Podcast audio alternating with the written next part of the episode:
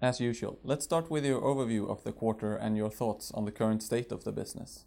Yeah, it was a good quarter for us. The production was down a bit, but sampling cup shipments were strong and installation revenue was really strong. So overall, the operating result was good. Um, to put it in perspective, the average operating result from the last four quarters was 5.5 million, and, and we doubled that with 11.2 million in the third quarter. The production was down 5 to 10% compared to the first two quarters, but that's normal for the summer shutdown period. July and August are always a little bit low, um, unless we have a new program that's ramping up, and that ramp can help to offset the shutdown. The, the seasons are a little bit awkward for Sintercast. We have a, a one time effect, but we have that one time effect in three of the four quarters. Um, the summer shutdowns in July and August affect our 3Q results. The Christmas shutdown in December always uh, affects the 4Q results.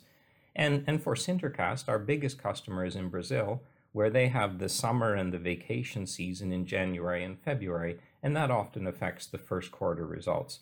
But despite that, uh, we've had seven consecutive quarters with more than 2 million en- engine equivalents, and that's without any big new engine launches. So it shows that the production foundation is strong and stable and profitable. And of course, the exchange rates are also continuing to help us. Um, installation activity was a bit slow in the first two quarters of the year, so the Teksid delivery in the third quarter provided a nice boost to the results. Um, we have three types of systems. We have the Mini System 3000 for product development and prototyping and niche volume production. We have the full System 3000 for series production. And we have the System 3000 Plus for more automated series production where we also control the base treatment operation. And the Teksid installation was a System 3000 Plus, so we see that larger contribution in the results. Um, we have a lot of installation discussions underway at the moment, both for CGI upgrades and for new installations, but also for the new ladle tracker technology. And it's a really interesting time for us. The customers are now deciding on their 2017 budgets and we look forward to receiving the feedback of their budget approvals so we can plan our activities and our resource allocations for next year. You mentioned the new ladle tracker development. Can you provide an update on the technical development and the market activity? We all really like the ladle tracker technology and, and we're really optimistic about the market potential. The installation at Tupy in Mexico has proven to be robust. The production managers have really embraced it um, and it's a great high volume reference for the technology. We announced the ladle tracker technology at the AGM in May, but that was after our running in and our proving period in Mexico, after we were confident that the product development was complete and, and that the product was ready for launch. So actually, the installation was made and the revenue was recognized back in 2015. By now, we've controlled more than 50,000 ladles and this has really proven the robustness and the value of the technology. Since the launch at the AGM, we've spoken to other Sintercast customers for CGI application, and we've also talked to independent foundries for gray iron and ductile iron applications. We, we also have some ongoing discussions with the steel mills. So it's a very diverse uh, market approach. And through these discussions with the customers, uh, we find a real interest in the market and we find new opportunities and new extended applications for the tracking technology. We're still in the market development phase, but the experience shows that we can measure the things that people want to measure and we can provide the results in a way that adds value. So, for those of us inside of Sintercast, the ladle tracker opportunity has really increased since we launched the technology at the AGM back in May.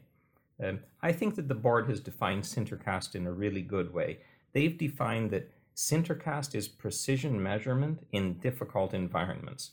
And that's exactly what Ladle Tracker is. So it's still early days, and but it's clear that the technology is doable.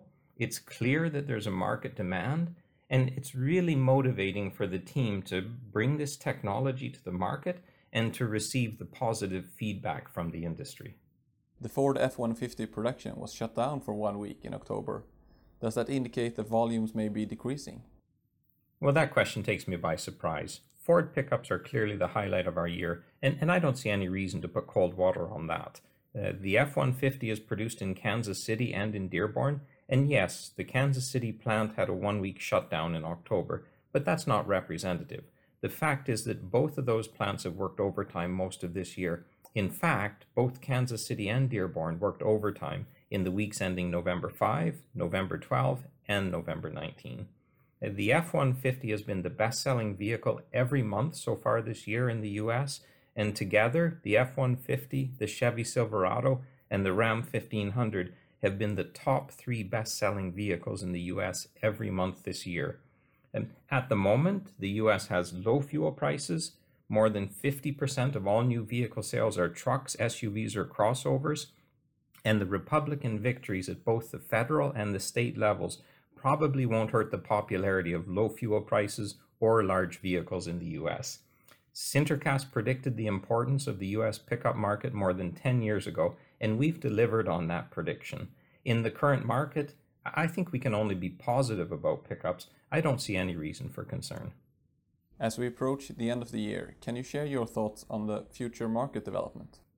Yeah, the outlook is good. Uh, the CGI production is strong and stable. We haven't had many new installations or product launches lately, but the development pipe looks good.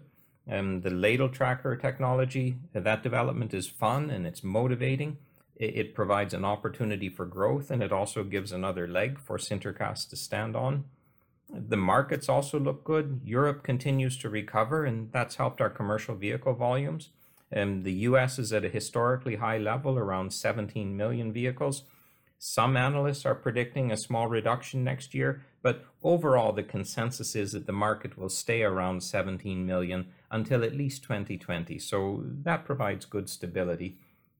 New emissions legislations are coming in 2020, and as with every new step, the demands become higher and the engine loading becomes more challenging. And these steps always provide a new opportunity for CGI.